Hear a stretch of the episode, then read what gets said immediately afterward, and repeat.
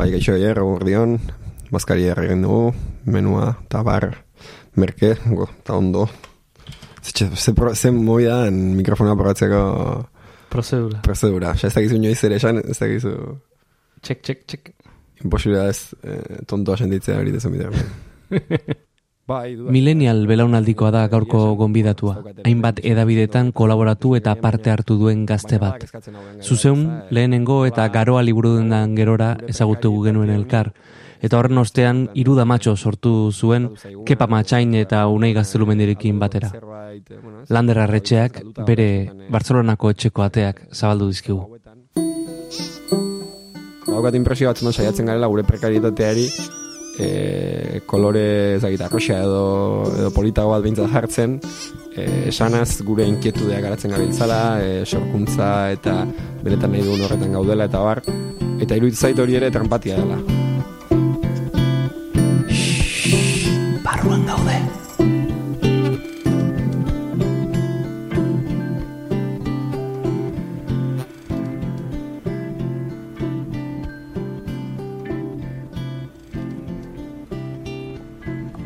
Bartzelona, munduko kalerik alaiena. Lau urtaroak elkar bizi diren kalea. Soinu eta doinuz gainezka egiten duen. Ez diot nik, Federico García Lorcaren poema bateko hitzak dira. Baina ondo dakigun bezala, hiriburu ederretan ere oro ez da urre.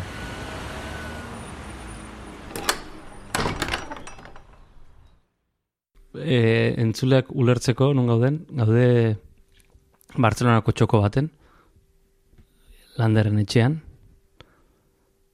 konpartitzen du betxa beste pertsonarekin, eta, eta Bartzelonan egin dezu zure abia, ez? Orain, lekuak ze, ze baldintza behar ditu etxe bihurtzeko? Bueno, ia esan, e, gauza duen bezala orain eta prezioak eta beste, Bartzelona ere ez da, donost, uste donostiarekin batera Bartzelona omen da Espainiar estatuko hiri garestinetakoa, Madrid ere eta bueno, ba nola, iriak itxuraz ez ditu oso daukeratzen, batetik bestera egin dut bidea. Zarautzen ere antzeko prezioa da, eh? bai. Eta orduan, ba, balintza garrantzitsu dizaten da prezioa. Eta gero horren barruan, ba, prezioaren barruan bilatzen dira beste kontuak ez da. Baina, bueno, kasu honetan, e, bila eta eskaz dara matzat hemen, baina bi pertsona erraz eta jatortu batu ditut, eta hori ez da erraza izaten. Eta horrekin eta hobe batekin, ba, normalean nahikoa da etxea izateko. Zergatik muitu zinen, Barcelona? Ba, bueno, kaldera ertz asko ditu erantzunak, baina, bueno, ba, batetik eta batez ere e, gidoi gintzako posarra bat ikasteko, hori zen motivazio nagusia da behintzate guraso ikontatzen azalpena eta inguruko hori zen. E, ez dago formakuntza espezifikorik e, Euskal Herrian eta zoritxerrez, ba, bueno, egin batzeko ere aukera gutxi, bai behintzat telebistan eta bar. Eta orduan, ba, bueno, e, banuen gogoa behingoz zerbait e, serio eta eta gogo zartzekoa, e, askotan komplexoare baduka dalako, beste asko bezala pentsatzen dut. E, gauza asko egin, baina denak erdipurri ez da, eta bueno, bengo batik denbora hartu, zerbait konkretu ikasi, eta inguratu, hortan da bien jendearekin. Eta bueno, hortara etorri nintzen naiz eta, gero, ba, bueno, beste kontu batzutan nastu naizen hemen ere, eta azkenean esklusibitatearen hau, ez dudan inondik inora bete. Ezagit, noiz ez autu gina elkar? Lehen naiz pentsatzen, eh, baina. Baina naiz, ezagit zuzeun izan zen, baina lehenago edo... Ni uste, bani ongo nintzen, karrerako azkeneko urtean uste dut. Ze, ba, e, ja, Bartzelonan bigarren aldia dut, e, lehenengo aldiz e, izan nintzen e, ba, karrerako irugarren mailan eta laugarren mailan bilbora itzuli eta zuzeurekin hasi nintzen, bai, bai jorna erdian lanen, eta hortik zuk zeuk garoara eraman induzun gure orduko jefeen e, aserrerako, baina bai, pasadia urte batzuko, kakaso behatzi edo zertzi edo ez bai. E, ni horitzen naiz lehen aldiz, hori zuzeun artikuluak idaztetik edo, baina horrein diketzen janean, eh? E, zuzeun uste, behin artikuluren bat edo idaztetik izan daiteke. Bai, baliteke gara hartan, ba, bueno, zuzeu bazen ere aitzaki bat, eh, eskaparate txiki bat, ba, bueno, uh, ondo, ondo idazten genuela usten genu, uste genuen gazte hausarte horiek, ba, bueno, gure lehenengo gauzatxoak egiteko, eta ta uste nik ere baliatu nuela, bai, lehi hori, eta, bueno, gero, ba, gauza batetik bestera, ba, ba onaino, ez. Bai. Ez autu geha enbat proiektutan, ez? Hori esan dezakegu, zuzeun egon geha elkarrekin, garoan ere elkarrekin koinzitu genuen, e, proiektu ezberdinak, esan, esan dezakegu e, erromantikoak zentzu batzutan ere bai, ez? Liburu den da baten lan egin duela, ezin dezakezan edonork. E, eta gero, ba, ba, e, kepa matxain eta, eta unai gaztelu mendirekin iruda matxo abiatu zenuten, ez? Hasiera hartan. Ba, bueno, tonto tonto rutik ere joan dira lau bat urte, eta guen, zer ja ezagizu zer, izan, zer, zer den gertatu zena, eta zer den gerora diskurtsuaren bidez. E... Baina distantziak ematen dure, bai, beste modu bat, ez, kontatzeko. Bai, akaso relatoa gerora ere ikitzen da, ez, hori posiblea. E, ni uste batetik egia da, bat laure inguruan ja, e, ba, bueno, gazte multzo bat, alor desberdinetan proiektuak sortzen zebilena, eta eta ikusten genuen bazegoela jende, ba bueno, beraien kabuz eta antolatuta eta modu autogestionatu batean nahi bada, ba gauzak aurrera eramateko aukera bazuena eta horrek emate ziela ere askatasun handia. Gure kasuan berezikin ikuste dut elkartu dintuena izan zela, asteko eta proiektu askotan bezala, edo bintzat proiektu honenetan bezala esan nuke, e, lotura e, laguntasun lotura bat edo elkarregin gauzak egiteko gogo bat, ez, green bat. Eta gero hartu zuen hartu zuen forma, baina etzen, etzen izan ideia genial bat eta gero ba, piezak topatzea edo, baizik eta, bueno, piezak genituen eta pues, e, aurkitu genuen pieza horiek enkajatzen zuten e, e, bueno, puzle bat edo, edo proiektu bat, ez da. Ikuslea zorrotzena ere asetzeko moduko errazeta prestatzeagatik, guk ere bazkaloste batean emango diogu aurtengo ikusentzunezko argia saria hiru damatxo taldeak egindako gure bazka elkarrizketa sortari.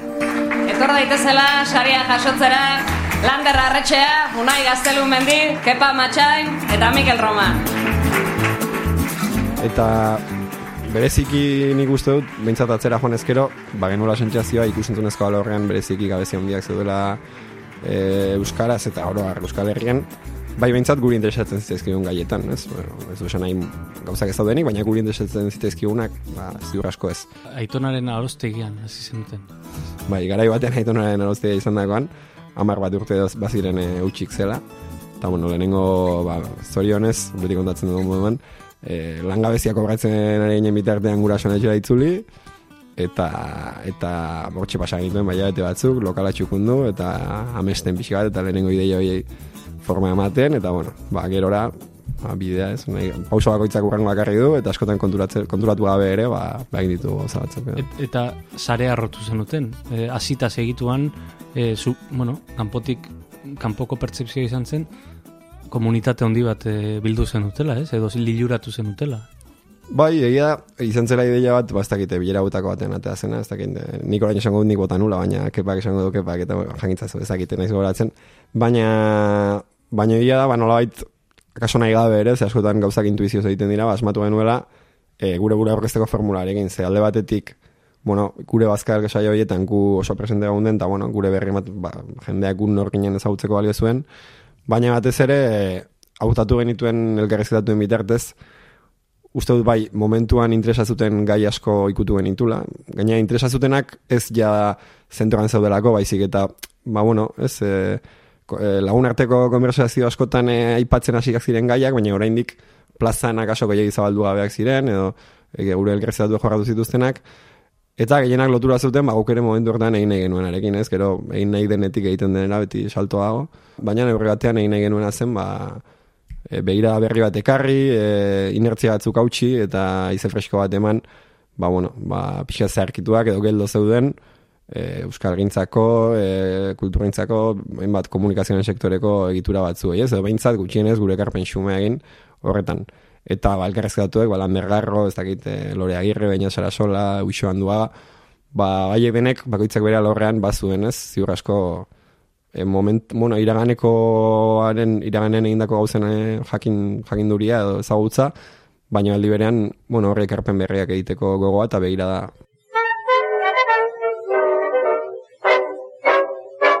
Kooperatiba bat sortzea izan zen, irudamatxokoen antolatzeko autua ekonomia sozial eraldatzailearen aldeko apustua egin zuten.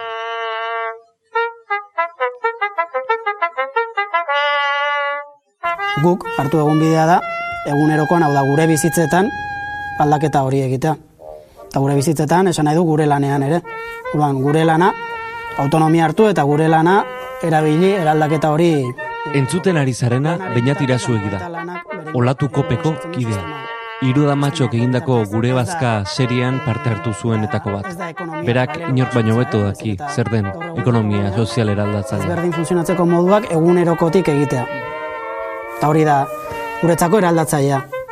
E, minoritarioa, ba, momentu honetan bai. Eta hori atxakatzen digute ere. minoritarioa dela denek ezingo ba genu bezala horrela funtzionatu, denek ezin dugu ez delako planteatzen.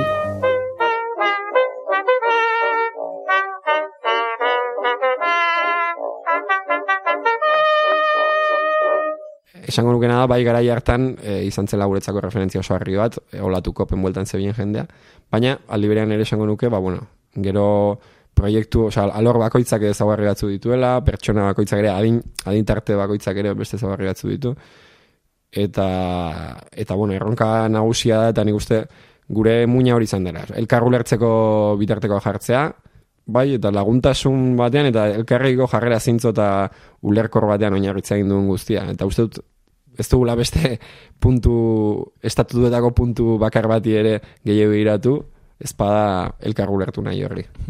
Iruda matxotik atera taia, eh? En, ez ote gara e, gu e, gurasoen etxean bizi diren ekintzaile prekarioen belaunaldia? Bai, duari gabe, duari gabe. Nik, e, ia esan, bueno, ez daukat ere hemen diskurso sendo bat botatzeko gaitasunik gaien, baina baina badak eskatzen hau gai bat, ez da, e, nola, ba, bueno, gure prekarietate honi, e, ez dakiguna zen horretan den, e, tokatu zaiguna, borrekatu behar duguna, e, aldatuko den zerbait, e, bueno, ez, borra biltza ez, galduta gaude askotan, e, ez dakit, e, hauetan, baina ia da, sai, badukat impresio batzutan saiatzen garela gure prekarietateari, e, kolore, ez dakit, arroxa edo, edo politago bat bintzat jartzen, e, esanaz gure inkietudeak garatzen gabiltzala, e, sorkuntza eta benetan nahi dugun horretan gaudela, eta bar, Eta iruditzen zait hori ere trampatia dela. E, azken finean, ondo dago, noski, nola ez, gure proiektu propioak eta gure kezkak e, landu alizatea, baina horren prezioa ezin du izan e, etengabeko prekaritatea, eta prekaritatea ere ulertuta ez soilik e, diru faltan edo baliabide faltan, zegia da gehiago da gutxiago, baina bueno, nire kaso hori da, e, zutabe batean ere aipatu nuen behin, ba, bueno, gurasoek berme minimo bat ematen digutela, nire kasuan behintzat loiteko toki bat emateko aukera badute baien etxean, ba, bueno, gurasoek gutxineko babes bat emate horrek, e, horrek zu esan nahi horrek e, izu berren biziaraziko zaituenik, baina bai, loiteko toki bat izango duzula bermatua izateak, edo, bueno, laguntzatxo bat e, zinbesteko abalitz, eta badakit ez dela guztien errealitatea, baina nirea bada, eta nik niretik hitz egiten dut. E, bueno, horrek eramaten gaitu askotan, e, nire ustez oso individualista den, o oro arroso individualista den, inkietu den, sorkuntzaren, eta e, mundu ontara, ez da, eta freelance izaera hau, eta proiektu asko, eta etenga berrituko proiektu berriak, eta ematen dugure gabezia emozionalak, eta eta beste klase batzuetakoak, denak osatu berritugula ilusionatzen gaituzten proiektu berriekin, baina, e, horren atzean iruditzen zait oso ditura, oso funtzionatzeko modu trampatia dagoela, eta oso bakartia dela mundu hori ere, eta horregatik, kooperatibak eta bar, ba... Gurasoek gatik ez balitz, agian kalean manifestatzen gentek, ez? Ez gineak, ez genuk eukiko etxe bat, ez? Edo, edo, edo bizioarko ginateke asko zer baldintza okerra hoetan. Bai, baina, ala da, eta ala da, eta ziur asko azaltzen ditu gure realitateko gauza asko, baina alde batetik hori bukatuko da, lehenago beranduago, eta ezpada bukatzen gure belaunaldiarekin, urrengoarekin bukatuko da, bestalde batetik, eta hori palpableagoa da askoz, Barcelona batean donostia baino adibidez, hori ez da mundu guztiaren realitatea, hau da, mundu guztiak ez ditu guraso batzuk e, berme minimo bat emango diotenak. Eta horregatik iruditzen zait, e, hain naiz eta e, oso barneratu da dugun, eta bueno, gustatu ere gustatzen zaigun proiektu artistikoak, e, sorkuntza, e, nik zera ba, sare sozialekin ero solotua dagoen e, norberaren marka hori, eta norberaren presentzia hori, e, bueno, lantzea edo oso baloratua dugu, bai guretzat eta bai inguruko entzat ere, Baina iruditzen zait hor e, familia espada ere beste komunitate batzuk antolatzen asmatu behar dugula. Ez da komunitate horiek izan daitezke babesariak, izan daitezke kooperatibak, izan daitezke e, berrintzait etxe bizitza komunitarioak, e, okupatuak edo ez, berrintzait. Baina aurkitu behar ditugu bideak hain individuala den eta hain etengabe merkatuaren posizio honean egotera behartzen gaituen e, sorkuntzaren eta nabarmentzearen mundu hau, e, beste zerbaitetan bihurtzeko zerbait e, sostengarriagoa dena eta baimenduko diona edo hori e, sei bete etxeak pasatzen dena delakoagatik e, ba bueno, ez horregatik mundutik aparte gelditu gabe. Segituan gatoz. Zuzeu podcast. Zure hizkuntzan mintzo diren istorioak.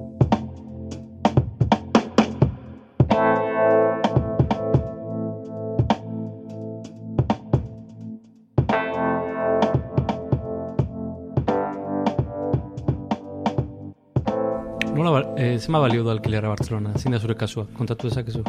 Ba, orain bertan ikirure honda iruro euro rentzen ditut hilean, baina lehiorik ez duen gela gatik, gatik eta kontraturi gabe.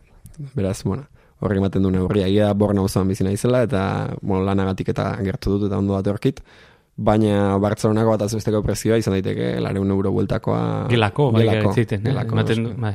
Zenait, e, beste pertsonarekin, gela bat, irure hunda berreta marra euro, ez, baina... Bai, eta bakeixea gore, bai, kaso honetan bai. ikustu dut e, zertea izan dudala.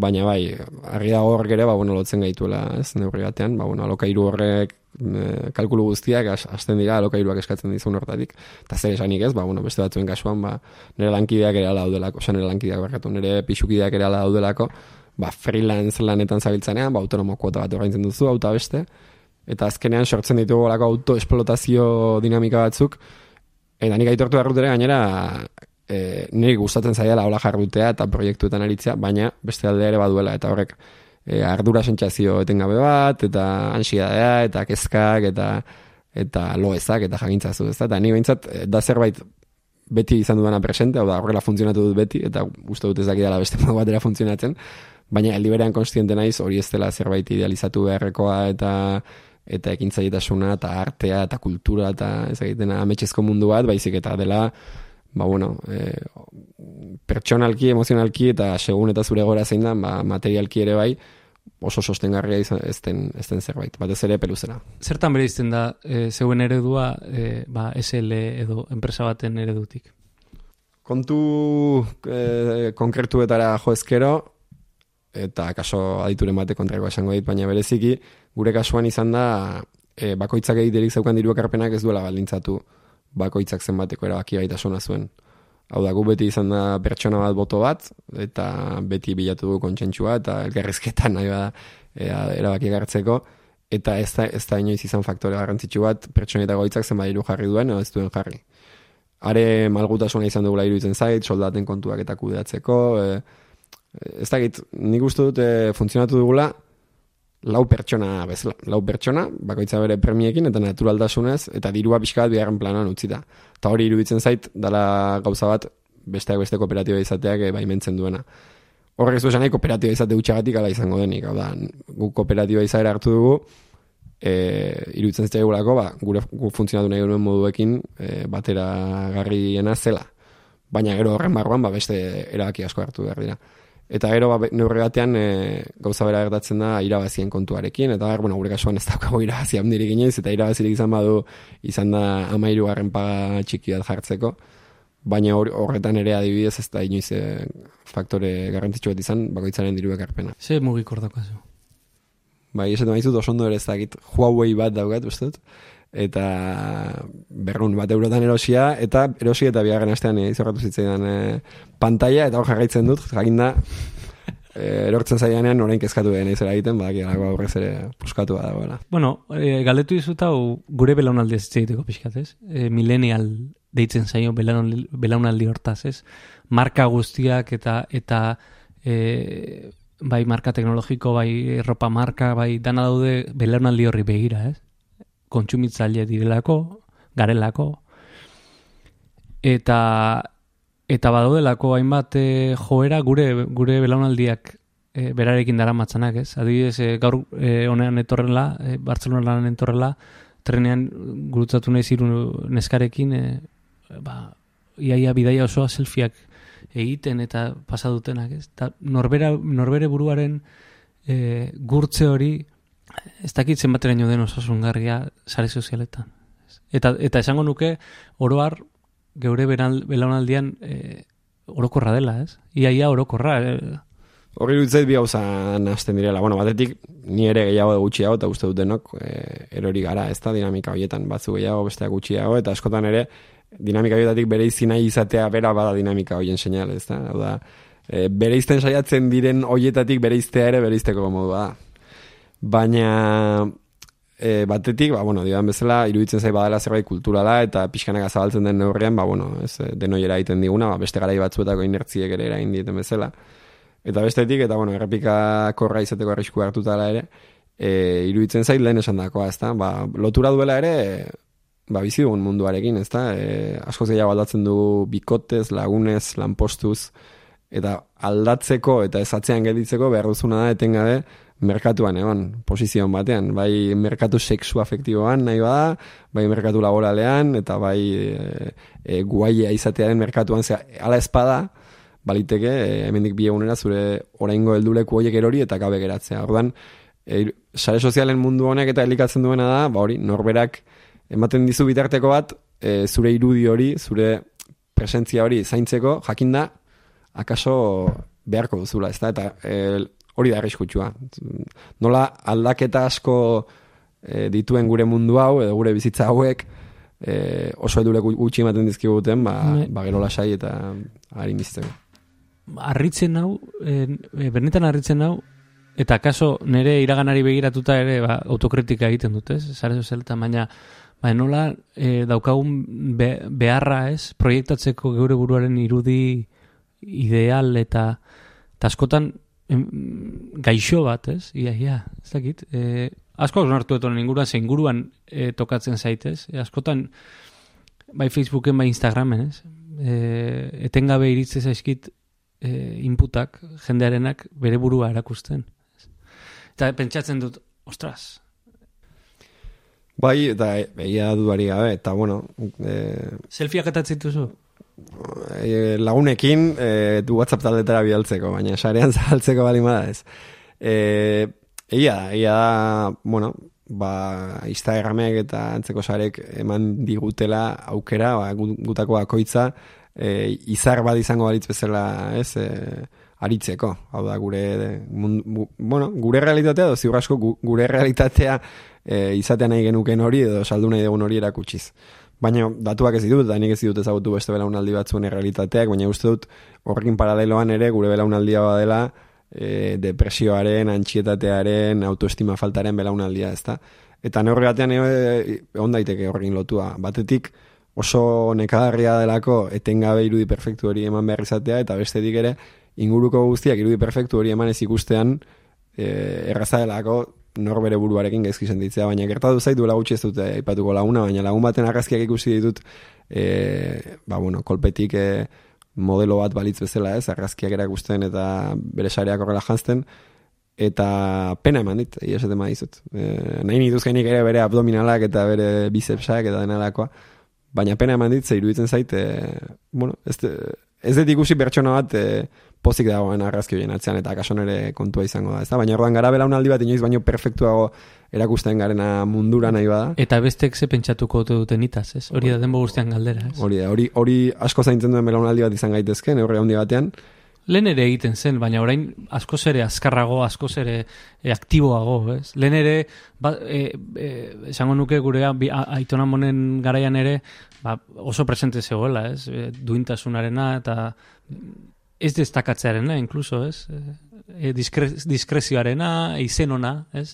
Baina orain aktiboki bultzatzen da, ez ez destakatzea, kontrakoa destakatzea eta gainera ondo, ez? Eta gainera proiektatzea arrakastaren irudi bat, eta... Lagun artean eta asko ipatzen duen gaia, eta bueno, besterik ez bada lagun artean gauden ez ere, orain baliatuko dut. Baina, nien bezala, horren atzean kontu asko daude, eta bata da materiala, ba, nion bezala, nola inoiz baina babes gutxiago ditugu gure lan bizi, bueno, diruiturriak ez dira lehen bezain egon korrak. Gure harreman afektiboak ez dira lehen bezain egon korrak. E, ba, hain da dena prekarioa zentzu horretan, ba bai, ba, neurri batean bizirauteko modu bat dela e, gure burua saltzen aritze hori, ezta? Modu batera edo bestera, eh? batzuk Instagramen argazkia jarriz, beste batzuk ez dakit, eh? Militantzian edo beste bide batzutatik e, nabarmentzen saiatuz, ezta. Baina baina horren atzean badago noski ego bat, badago zerbait e, bueno, barneratu duguna, baina badago ere bizirauteko e, saiakera bat eta horregatik iruditzen zait lehen nion bezala e, garrantzitsua bizirauteko alako gauzen premiez izateko formulak asmatzen hastea. Naiz eta izan fa, o, e, familia eredu tradizionala esereikiz, bikote eredu tradizionala esereikiz, eta nahi beste eta nahi bada garai bateko ez destakatze hori eta horrek dakartzen muga guztiak kuestionatuz, baina ez gaitezen joan beste muturrera eta bakardade absolutuak behartzen, zait, ez, behartzen dituen dinamika egozentriko hietana. Millennial belaunaldiak berarekin dara YouTube, bai? Bada ed, edabide bat, plataforma bat, ez dakit nola deitu, e, belaunaldi horrentzat mainstream dena, ez? Eta badirudi oraindik ari dela konkistatzen baita ere beste belaunaldi batzuk, naiz eta oraindik ez den iritsi horra, ez? Baina bueno, zuk YouTube e, segi izan dezu, e, aspalditik. Ezagi segi izan dudan danitza. Nik zure bitartez ezagutu nun El Rubius. Adibidez. Baina, baino gero, e, egia zango dizut, ordutik youtubera lotu nintzen. Ez horrelako edukiak e, konsumitzeko, baizik eta eskurritu nuen hor, gauzak egiten ziala, eta ez bakarrik forma bateko edo izaera bateko edukiak, danetik dagoela, ez? Da, mundu anglosaxoean, e, estatu batuetan, sekulako edukiak e, e, daude, ez? E, ez derrigorrez, denok imaginatzen dugun youtuber horren figuran, ez? Baina, bueno, goratzen naiz nola, nola esaten zenidan eh, el Rubius, eta ez ez ez el Rubius, jode, bai, milioi, ez da bat milioi jarraitzea ditu. Bai, bueno, argitu nahi nuke nien aizela ino dikin jora eh, el Rubius talea edo youtuber eh, komunitatearen oso jarraitzea esutxua, baina egia da... Ke konsten akta. Desde egia da, eh, naiz eta ez ni sentitu horren publiko ofizial edo ez sentitu hori horren gertuko, eh, nolabait orain arte kalitatezko dukitzat jotzen genuen hori edo horri buelta ematen dioten eta guztiz batzutan inkluso eh nuke itxusitasunetik eta eta bueno, nolait kanon batzuk guztiz hautsiz arrakasta izan duten fenomeno hauek askora gertzen dautela. Bai trapak ere, baita ere youtuber batzuk egin duten. Genero berri bada, e, bai. e, e, youtuberak sortu duten komunikatzeko era inkorrekto hori, e, ikusentzunezko ikuspuntu batetik, ez? Azumeraldoiak, umore e, bat, ez? E, Ez duena zertan txarra izan, ez dugu estigmatizatu behar generoari, ez? Baina... Neri interesgarria egiten ze gehiago fenomeno moduan, no? da oso bai. interesgarria iruditzen nola e, gauza batzuek arrakasta handia duten e, Sekulako eragina dute? Bai, eta eragina dute eta arrakasta handia dute eta ziur asko, ba, musika malimada, musikan e, zinea malimada, zinean ikastaritza malimada ikastaritzen mundu horretan lanean aritu diren pertsona helduagoen begietan zaborrutxa izan da ere e, argaz handia dute, eta gainera nire iruditzen zaitez kasu guztietan inoen dik inora, baino, arretaz ikusiz gero, ba, bueno, arrakasta dutela, besteak beste, erabaki asko daudelako atzean, eta badelako ere, ba, bueno, errealitate konkretu bat erantzuten diotelako, edo fenomeno bati, ez, e, bai, egora sozial bati, eta kon, belaunaldi bati erantzuten diotelako, hau da, ez dela zaborra zaborrutxagatik, baizik, eta, eta, bueno, a ber, orain ere botako dut, gezki behar daiteken zerbait, baina, trapa nahi gustatzen alderatzen horregatean e, punkarekin, ez da? Ez da lanketa handia eskatzen duen musika bat, ez da, e, ba, ez da, gino, esan, inogeren e, himno bihurtzeko moduko e, abesti multzoa trapean egiten den, edo bertan duen artistak ez dira munduko ere dugarrienak izango seguraski gauza askotan, baina e, onerako edo txarrerako ordezkatzen dute e, errealitate sozial bat, eta, eta bueno, Alu! Zer modu zodeten nire bihotzeko fansak ondo gozalde duzuen? Gogoratu egunero hiru pieza fruta jan behar direla. Eta libratzeko problema balin badazkazue all brand zerealak. A mi, me funtziona. Bereziki atentzia ditu zidan supertxope. E, jan egin patatekin. E, nik arp, enuen harrapatu e, performance hori ez. E, Nola, no, nondik azten da olako gauza bat? Nondik makinatu zen duten hori? Bai, agian e, mitoa botako dizut, lurrera, baina itortu behar badut, e, egia da, proposamena neurgatean e, sortutik alazetorrela. Hau da, gu bage mintzan aurretik ere youtuber fikziozkoak eta egiteko ideiekin, eta kaso bieratzen nahi patu zan, eta baliteke horren oi hartzuna ere iritsi izana bertara proiektuaren proposamena iristerako, baina enkargua ere bideo horretan Sortutik.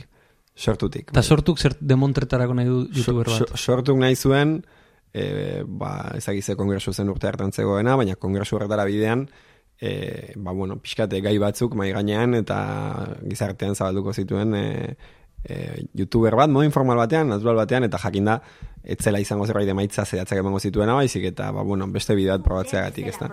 Lehen kontzentrak egiten ziren. Eta orain berriz, lindapak! Lindapak! Frena!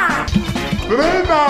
Bigarren aldaketa, kultur zaletasunak. Hau da ziuraski aldaketarik handiena. Lehen militantekin topatzeko barrikadaren kontzertu batetara junbertzinen. Eta orain, gara. Nik besoa eman zuk esku hartu. Gero egia iruditzen zaitu eta hor jende askoren talentua guztartu zen. Edo, bereziki keparitu zen gidoietan eta eta uste dut asmatu zuela baina egia aldi berean e, bai Peru isasi edizioan eman zion bizitasunagatik eta eduki oso landua zen zentzu horretan ere, oso bizia, oso azkarra, oso dinamikoa. Nire zentzazioa izan zen, e, aipatu duen youtuber hauen e, ba, bertute gehienak e, oso oso modu honean uzartu zirela, eh? Ia, ia, youtuber, oza, zenet, homologablea zen beste youtuber, e, ba, espainiar youtuber bati edo, edo e, estatuatuar youtuber bati. Bai, bai, bai. Besteak beste talde oso bat zegoelako batzen, mm -hmm. ez tramparen parte hori zen, baina eta merituak banatzen jarraitu duta, e, dudari gabe nere arriola aktorea e, brillantea eta oso ondo sartu zen pertsonaian eta eta naturaltasun handiz e, egin zuen, ez, e, bere papera eta horrek asko erraztu zuen dena, ze ziur asko e, sinesagarria ez den antzezpen batekin, ba, segituan eroriko zen e, proposamena, eta gero, gerora youtuber bidea induen aiora mugika ere aritu zen, aproposamenak egiten eta pixkate gauza batzuetan laguntzen. Ez zenuten making of egin? Horrena? Ba, ongo da, kaso. Dokumental bat egin daiteke horrekin. Ba, egin, bai. Ze, da, nola sortu youtuber bat, ez? Manual bat egin daiteke horrekin. Ez dakit, e, harri egiten zait sortu butik etortzea e, proposamena, eta nola gainditu duen, ba, horrek suposatu dezaken dana, ez? E, ez du erreparorik ematen alderri politiko baten enkargua egiteak? Eman dezake, eman dezake, duari gabe. Eta horregatik e, saiatzen gara normalean kanpaina eduki utxa ez egiten. Baina sorturen kasuan bezala ematen dizutenen aukera modu ordaindu batean askatasunez eta sorkuntzatik ba, proiektua garatzeko, ba, ba bueno, ba, aukera politari dut zegoen, eta gero ez daukago komplejo askorik ere esateko, e, oro eta salbu espenak salbu espen, e, zutxuki izan gabe, ba, bat zela sortu planteatzen zituen hildo batzuekin, edo gutxienez kontrakotasun handirik ez daukagula. E, argi daukagu, e, oso urrun sentitzen dugun, edo etxai politikotzat dugun alderdi bat entzat ez genukela mm lanik egingo. EITBek e, youtuberen aldeko apustu emarko luke? Ez dakit EITBek, dan. Nik uste dut erakunde publikoak egin behar dutela. Ez dakit hori EITBetik diratu behar den, ez dakit bestelako plataforma batzuk sortu behar diren, hori sustatzeko bai uste dut, e, nioen bezala, ez? E, kazetaritza egiten dutenek, literatura egiten dutenek, sinema egiten dutenek, erakunde publikoen laguntza duten bezala horretarako, uste dugulako kultura eskaintza hori bueno, e, ekarpen publiko bat ere badela, eta are euskararen ikuspegitik ere ezinbesteko dela normalizazio batera bidean, ba, nik aldarrikatzen dut, ezinbestean sareko ikusentzunezkoek ere merezi dutela kontsiderazio hori. Mhm. Zuzeu podcast egin baten azmorrekin sortu dugu, e, hautzen hartuz, pixkat, eta komentatzen dizut hau berriako e, zutabegile zarelako e, ba, bueno, telebistari begira eta hainbat e, edukiri begira, ez? Guk podcastena martxan jarri dugu, aizuzen, pentsatu dugulako, euskaraz, irratia eta audioa kontsumitzera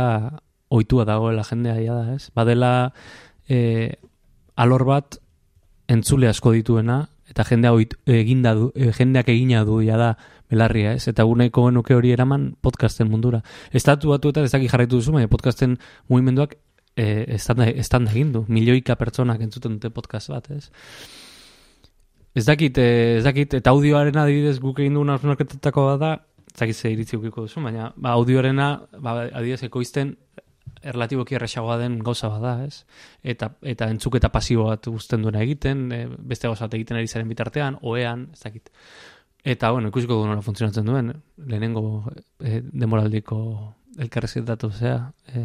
Ba, postu polita iruditzen zait, eta, eta bai, ba, balio du, orain arte, ba, bakarrik edabidea hundien eskutzi dugun, edo kasu honetan irratien kasuan, ba, Bueno, ia da, dena esan da, irratiak Euskal Herrian izan dute tradizio bat, eta beti ondire irrati txikiak, mm. eta ondor bide bat.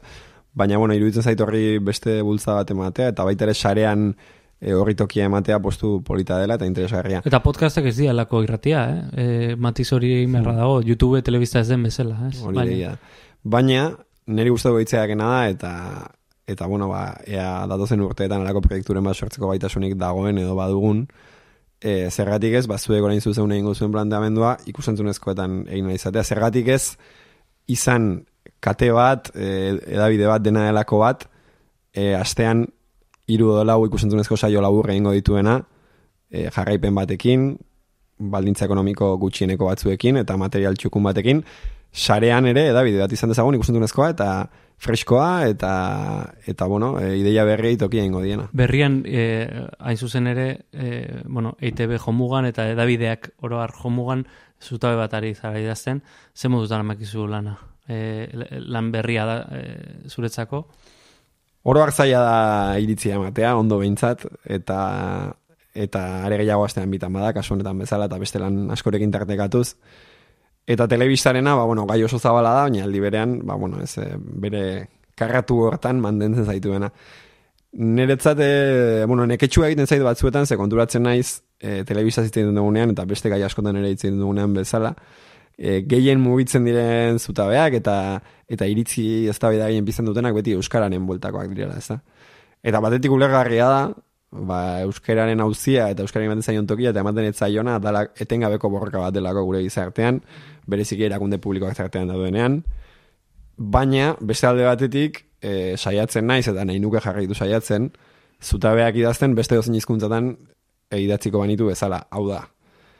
Gaztelaniazko telebizari buruzko zutabeak gustora irakurtzen dituenak aukera hori duen bezala, euskera irakurri nahi duenak, edo berri erosten duenak ere, izan dezan, telebizari buruzko zutabe bat irakurtzeko aukera, eta ez soilik soziolinguistikaren ikuspegitik, eta euskeraren normalizazioaren ikuspegitik ari den norbait. Betiko problema, ez? E, zergatik egin behar dute ditugu, bestek egiten dituzten galdera utxalak, ez? Edo etengabe berdina, ez? Alegia, euskeraz, baina ez euskarari buruz etengabe behintzat, ez? Bai. Horrek ez du esan nahi, batzutan sutzen izenik, eta eta nahi gabe bada ere, gai etortzen ez zaizkidanik, eta ba bueno ba dio da bezala normalean gaiek dira gero gehien zabaltzen direnak ezta mhm. baina bueno, gure egunkari e, e, nazionalean e, zutabe gila zara ja beste izartxo bat kurikulumerak esango dugu ekografiak e, zutabe txiki bat dela eta bueno garitzen gara gure tartetxoan Lander, aldu Lander e, beste guztian gainetik humila da. E hori argi geratu da. Oso humila, bereziki humila naizela adierazten duenean.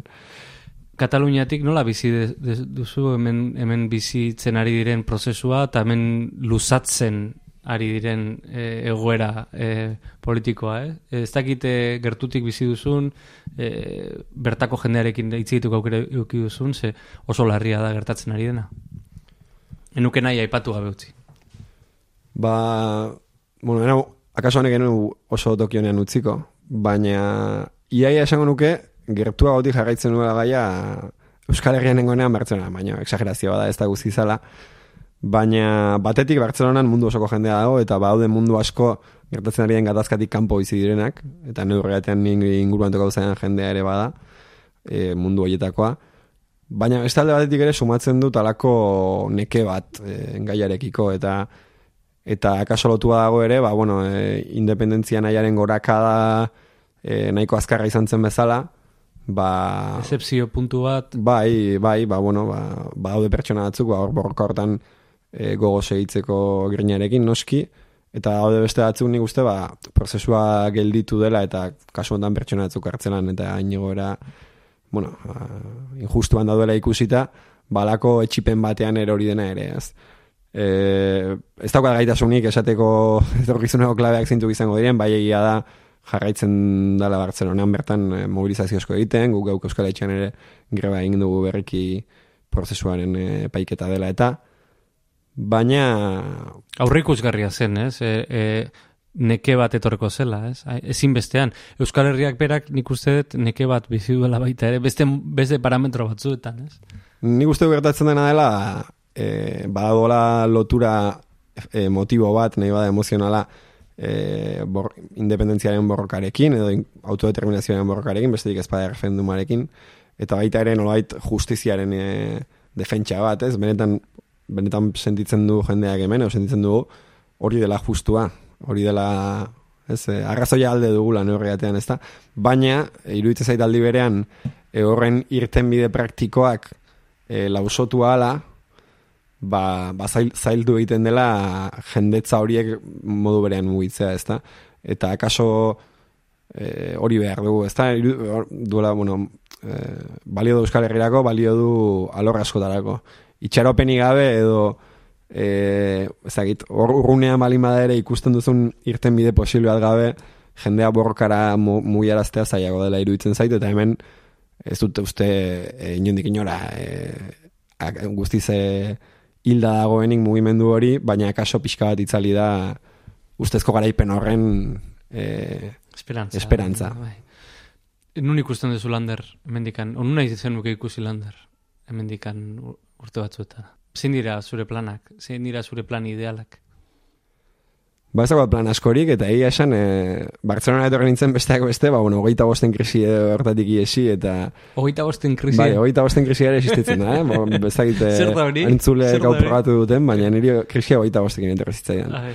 Kolpetik sentitu nintzen, e, ba, bueno, nire bizako erabaki garrantzitsu guztia gertuta banindu, banintu bezala, eta be, pasen ditu nuen e, oso mileniala den e, ai, giro zaldatzeko premi hau, eta ez dakit, espero dut... E, Mendik amar urtera, ba, bueno, egin, egin, egingo ditu dala tarte ondan amar urte hauetan, ba, bueno, gutxienez e, probatu ditu dalako besterik ezpada, posten nauten e, beste gauza mordo bat, eta eta espero dut, lehen esanako hietik, e, jarraituko dala libre eta gauzak probatzen, baina jarraituko dala komunitate gertuko eta zaindu bat izaten, eta ez du dala hori aztuko ere.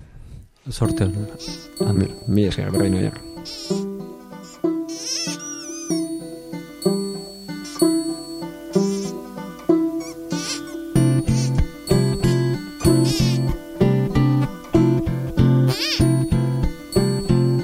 Atzean utziko dugu Bartzelona. Hauzi izan da guztia asteontakoagatik eta ea noren sukaldean, noren egongelan, noren bainugelan sartzen garen datorren astean. Urren arte.